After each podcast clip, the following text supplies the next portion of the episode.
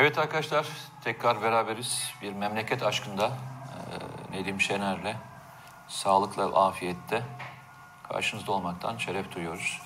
İnşallah sizler de e, aynı mutluluklarda e, bu şeyin karşısına geçiyorsunuz değil mi? YouTube'un karşısına geçiyorlardır. E, ilk yaptığımız canlı yayında biliyorsun Azerbaycan ve terör saldırısı konusunda biraz konuşma yapmıştık. E, bu konuşmayı da tamamen e, senin e, üzerine kurgulayalım istiyorum. Çünkü sen bu kadar kısa konuşmazsın. Yani böyle yani yani bunu konuşmayalım diyorsun. Bu kadar uzatmayalım diyorsun. Şeyi bıraktım sana. Yani e, top sende. Şimdi e, güncel tartışma, e, iç siyasette daha doğrusu güncel tartışma e, döndü dolaştı tekrar e, FETÖ ve bunun siyasi ayağı konusuna. Geldi. E, evet, bir hafta önce bir haftasını doldurdu, hatta geçti bile. Ama bitmiyor. İyi Parti'den kurucu Ümit Özdağ, Profesör Ümit Özdağ, İstanbul İl Başkanı Buğra Kavuncu'nun FETÖ ile ilişkisini anlatarak e, bunu bu konuda partisini uyardığını ama önlem alınmadığını, hatta kurucu listesinde yer alacakken kendisinin müdahalesi de engel olduğunu söyledi. Bunun üzerine Akşener'e söylediğini, Akşener'in de işte iki kurumla görüştüğünü ve FETÖ ile ilgisi yok diye dediğini anlattı. Onun üzerine de genel başkan yardımcısı olmuş. Şimdi işte bugünlere geldik. Şimdi bu neyin kavgası aslında? Buna e, Ümit Özdağ e, son kurultayda üstü çizilen isim olduğu için öfkesinden yaptığını söyleyenler oldu. Parti yönetiminde üst düzey görev almak istediğini ama bu olmayınca açıklama yaptığını söyleyenler oldu. Parti başkanı olmak istiyor aslında hedefi bu diyenler oldu. Ama bunların hepsi işte dış mesela e, Akşener'de bize dışarı bize oylarımız yükseliyor yüzde 13-15 gidiyoruz e, bize müdahale ediyorlar saldırıyorlar diyor. Şimdi sondan başlarsak kim saldırıyor dışarıdan AKP'liler, CHP'liler, HDP'liler başka bir parti mi saldırıyor? Hayır içeride iyi partilerin birbirleriyle bir mücadelesi var. O görülüyor. Aytun Çıray'ın da içinde olduğu, İsmail Okun içinde olduğu, Koray Aydın'ın isminin olduğu, Ümit Özdağ'ın olduğu. Ama bütün bunlar olmuyor, olmuyormuş gibi davranan bir de Meral Akşener e, figürü var. E, çünkü altında toplum nezdinde e, işte sağlıkları 5, 7, 9 neyse 10 bir oy var. Onu orada tartışılsın istenmiyor. Bir yandan da bu konuyu açıklama bu konuda açıklama yaparken ya bu halkın gündemi değil ki. Niye bunu konuşuyorsunuz? Niye bunu konuşuyoruz? diyor. Ama 81 il başkanı e, partisinin il başkanı İstanbul'daki 39 ilçe başkanı Ümit Özdağ'ın ihracı konusunda dilekçe verebiliyor. Yani o zaman bu partinin en üst düzey, düzey yöneticileri neden böyle bir konuyu ihraç konusu haline tartışmasına dönüştürüyorlar? Ümit partinin kuruluşundan beri hizmet vermiş olan Ümit Özdağ'la e, ihraç edecek kadar neden e, çaba sarf ediyorlar? E, hatta hatta bunu hiç tanımadıkları Buğra Kavuncu üzerinden yani iki yıl öncesi kimsenin ismini bile bilmediği bir kişiydi Buğra Kavuncu. 40 yılın e, Ümit Özdağ'a karşı Buğra Kavuncu partililer nezdinde siyaseten tercih sebebi olabiliyor. FETÖ'cülük kısmını falan geçiyorum yani o kısmına hiç girmiyorum. Yani kimin yanında kimin ne için duracağı beni ilgilendirmiyor ama ben ilkesel olarak insan olarak ya böyle bir konuda kavga varsa ben bu partinin kuruluşundan MHP ile kavga sürecinden rol almış, partinin kuruluşuna emek harcamış biriyle mi birine mi değer veririm? En azından e, nötr duracaksam ona karşı mı dururum? Yoksa iki yıl önce ismini bilmediğim e, FETÖ'nün de e, Kazakistan'daki iş derneğinde yöneticilik yapmış birinin yanında mı dururum? Ama işte siyaset böyle bir şey. Yani siyaset ilke falan filan meselesi değil, çıkar meselesi. Çünkü o koltuklara oturtulanlar e, çıkarlarıyla e, oraya bağlılar. Yoksa ülke sevgisi, bilmem ne ilke milke falan diye Türk siyasetinde öyle bir şey değil. Hep rant paylaşım üzerine geliyor. Şimdi peki burada olan ne? Ümit Özdağ bu konudaki yaptığı açıklama sırasında söyledi. Bu küreselcilerle vatanseverler arasında bir kavga.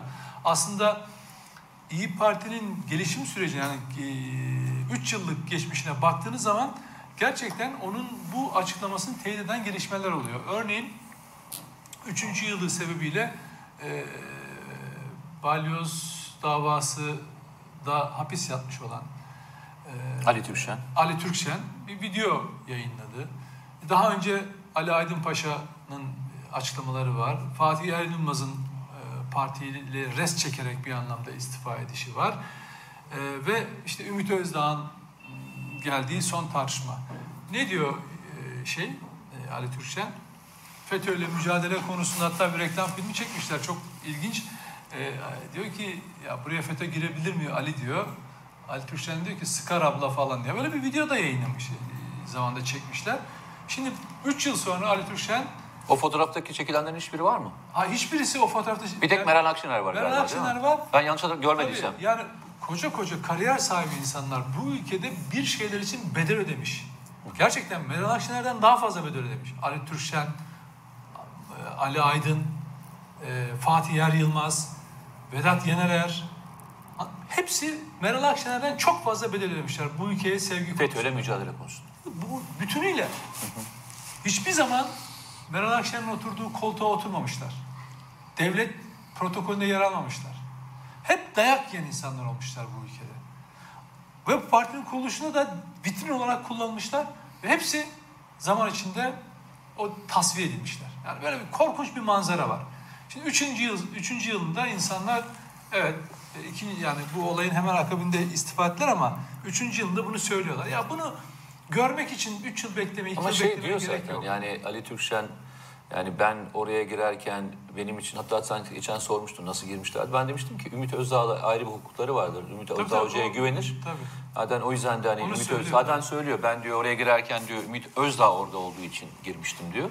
Yani onunla olan hukuki bağını da e, orada söylüyor. Çünkü siyasete atılmak güven meselesidir. Yani içeride muhakkak güveneceğiniz insanlar olması lazım ki girebilirsiniz. Tabii. Ama gördüğüm kadarıyla Tabii.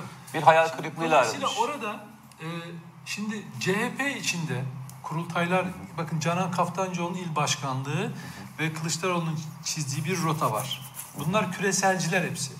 Meral Akşener'in de çizdiği bir rota var. Bu arada bu işbirliğine giden yolda HDP'yi eklemleme amacı var. Küreselcilerin yol haritası böyle. Bu yapıya itiraz edecek kim varsa eleniyor. Evet. FETÖ mağdurları, ulusalcılar, mi- milliyetçiler, muhafazakar milliyetçiler hepsi eleniyor.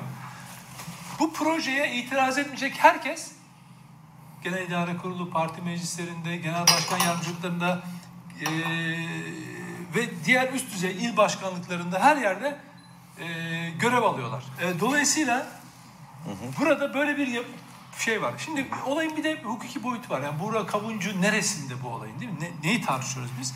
Buğra Kavuncu aslında Türkiye'de siyasi gelişmelerle çok doğrudan ilgili birisi değil. Babası Orhan Kavuncu e, önemli bir figür.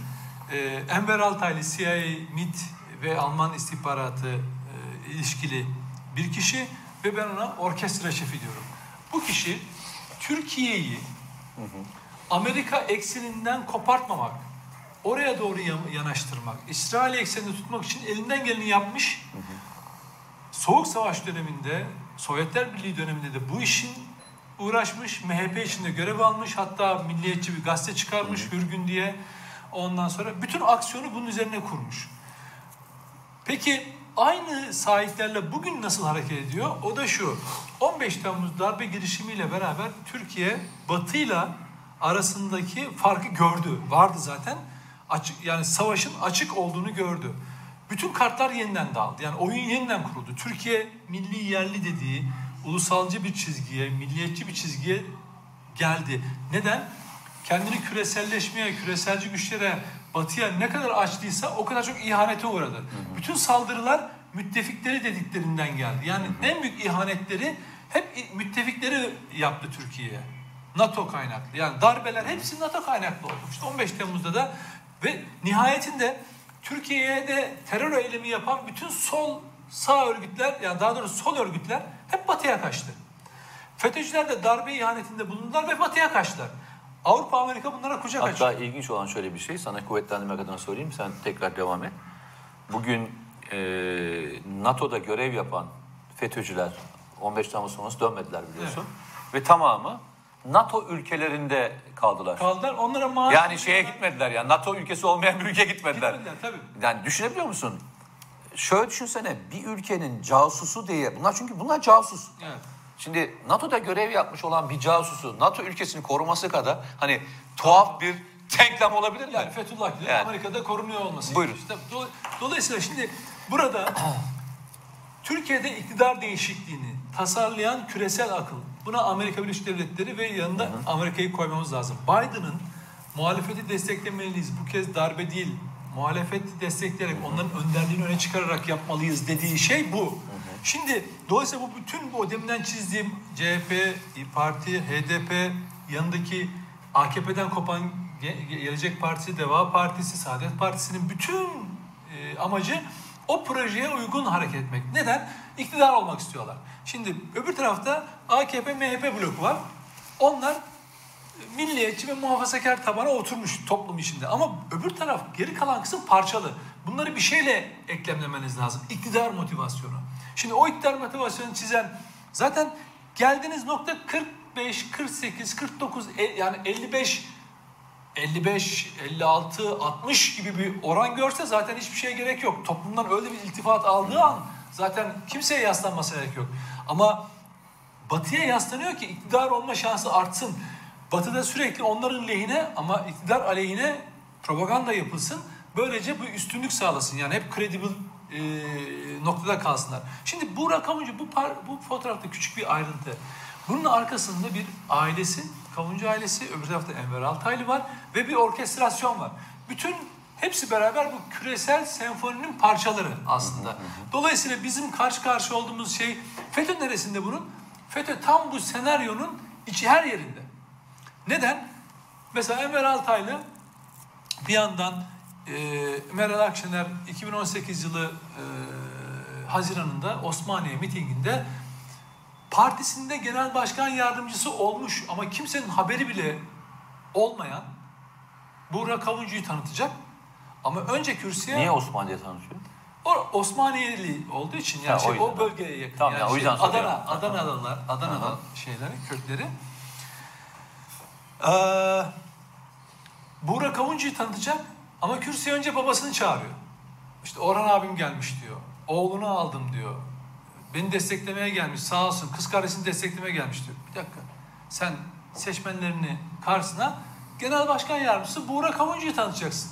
Onun CV'sini asacaksın duvara. Diyeceksin ki bu adam şurada siyaset yaptı, burada siyaset, partimize şu yıl girdi, şu kollarda, gençlik kollarında çalıştı, efendim bu illerde çalıştı, şu yaptı falan de, diyeceksin değil mi?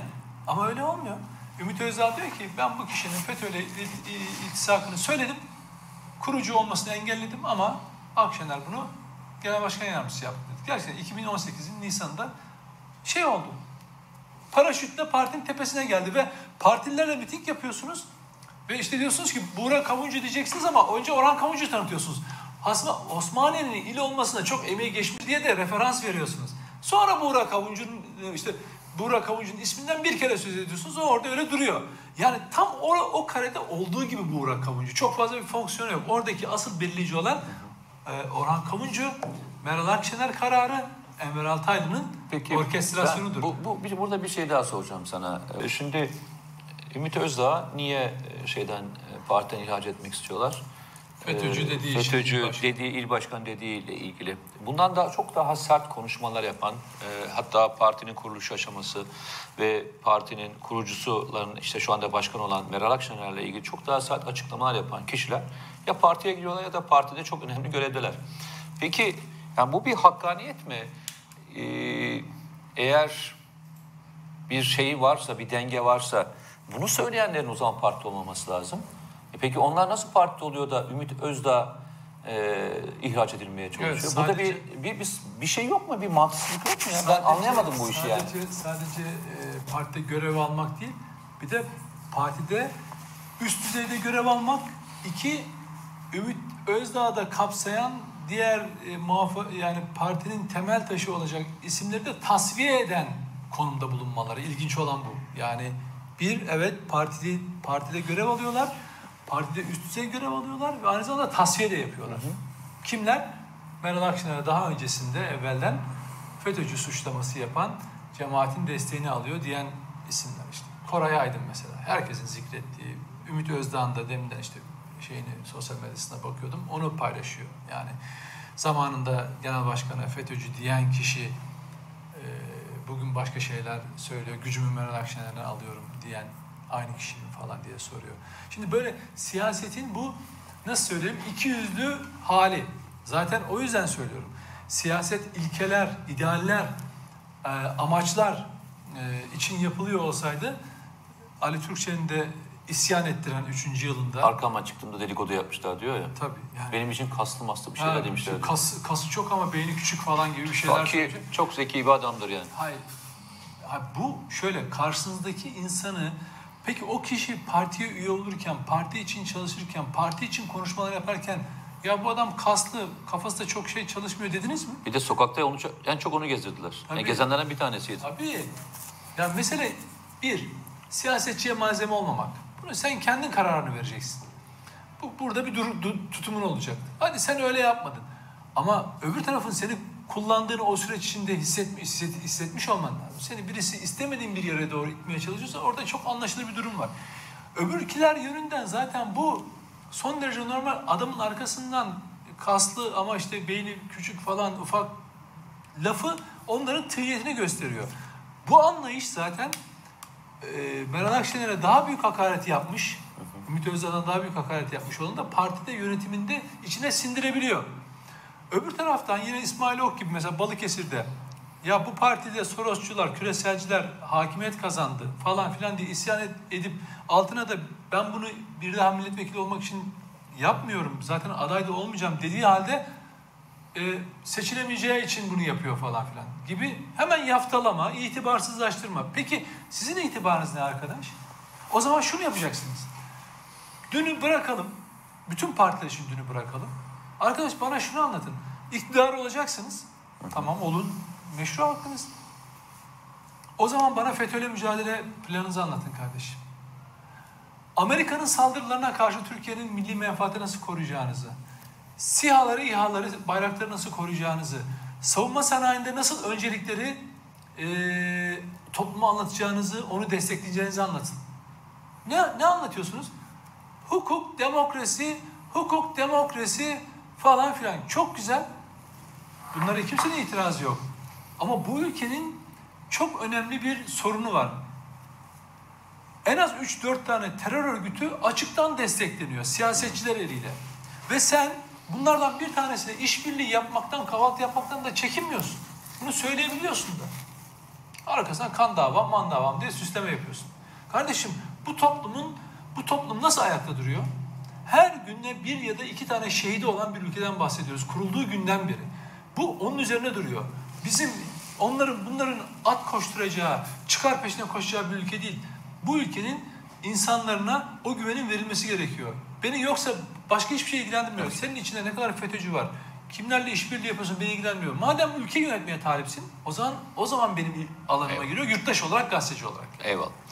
Ee, Nedim geçen gün tam anlat, anlamıyla hani bunları anlatırken zaman bulamamıştı. Bir kez daha süper haber olarak teşekkür ederim. Herkese bunu böyle bütünsel anlamda Tabii. bir konuşma Bunun için de, oldu. bunun için şuna yurttaşların bu biz şu anda bir sürecin içindeyiz. Yani Ümit Özdağ bir şeyler anlattı. Ee, Bu- Buğra Kavuncu hakkında bir takım iddialar ortaya koydu. Mesela şey- şey ama biz ama Çok biz ilginçtir. Rıdvan da eee şeytan Rıdvan dediğimiz hani Evet. Açıklama Spor yaptı. Basınında spor basındaki FETÖ bağlantısı. Çıt Evet. yok. yani Çıt yok. maalesef işte. Çıt yok. Anlamış değilim yani. Eee, arkadaşlar çok teşekkür ederiz. Eee, bize Yani verdiğiniz destek. Ha, son pardon. Çok özür dilerim. Bir oluşum içindeyiz, bir gelişmeler içindeyiz. İki şeye bakacaksınız. Bir hukuk alanında hangi adımlar atılıyor? Bu teknik olarak bunu takip etmek gerekiyor. İki, deminden bahsettiğim küreselciler, vatanseverler çatışmasında kim kimin yanında, kim kimin ağzıyla konuşuyor? Hep anlatıyoruz. Aynı adamlar, aynı figürler S-400'e karşılar mıydı? Amerika'da karşıydı. Libya operasyona karşılar mıydı? Amerika'da karşı. Ee, Suriye opera- Suriye'deki operasyonların hepsine karşılar mıydı? Bunlar da Amerika'da karşı. Doğu Akdeniz'de aynı mevzu. Doğu Akdeniz'de gaz aranmasına karşılar mı? Nereden çıkarttınız bu mevzuyu? Amerika'da karşı. Karadeniz'de gaz bulunduğu zaman Küçümsediler mi? Küçümsediler mi? Evet. Amerika yok saydı mı? Aynen. Evet. Yani zaten işbirliği yürüyor. Ve bundan sonra sizden ricam bu iki il başkanı ve bu partinin sözcülerinin söylediklerini takip edin. Amerika'nın söyledikleriyle Avrupa'nın söylediklerini yan yana koyun. Bu size bir rota verecek. Hukuk alanında nasıl işler ilerler onu ileriki süreçte beraber izleyeceğiz. Eyvallah. Arkadaşlar tekrar teşekkür ediyoruz. Ee, Bir sonraki programda inşallah sağlıklı ve afiyetle beraber görüşürüz. Lütfen kendinize dikkat edin. Korona konusunda e, Sayın Sağlık Bakanı'nın uyarılarına dikkat alın. Elinizden geldiği kadar e, hijyen ve mesafe konusunda dikkat edin. Ee, Bizler için önemlisiniz. Her biriniz ayrı ayrı değersiniz. Lütfen e, bizleri üzmeyin. Bizler de üzülmeyelim. Biz de sizleri üzmeyelim diyoruz. Sağlıklı afiyetle kalın. İyi günler.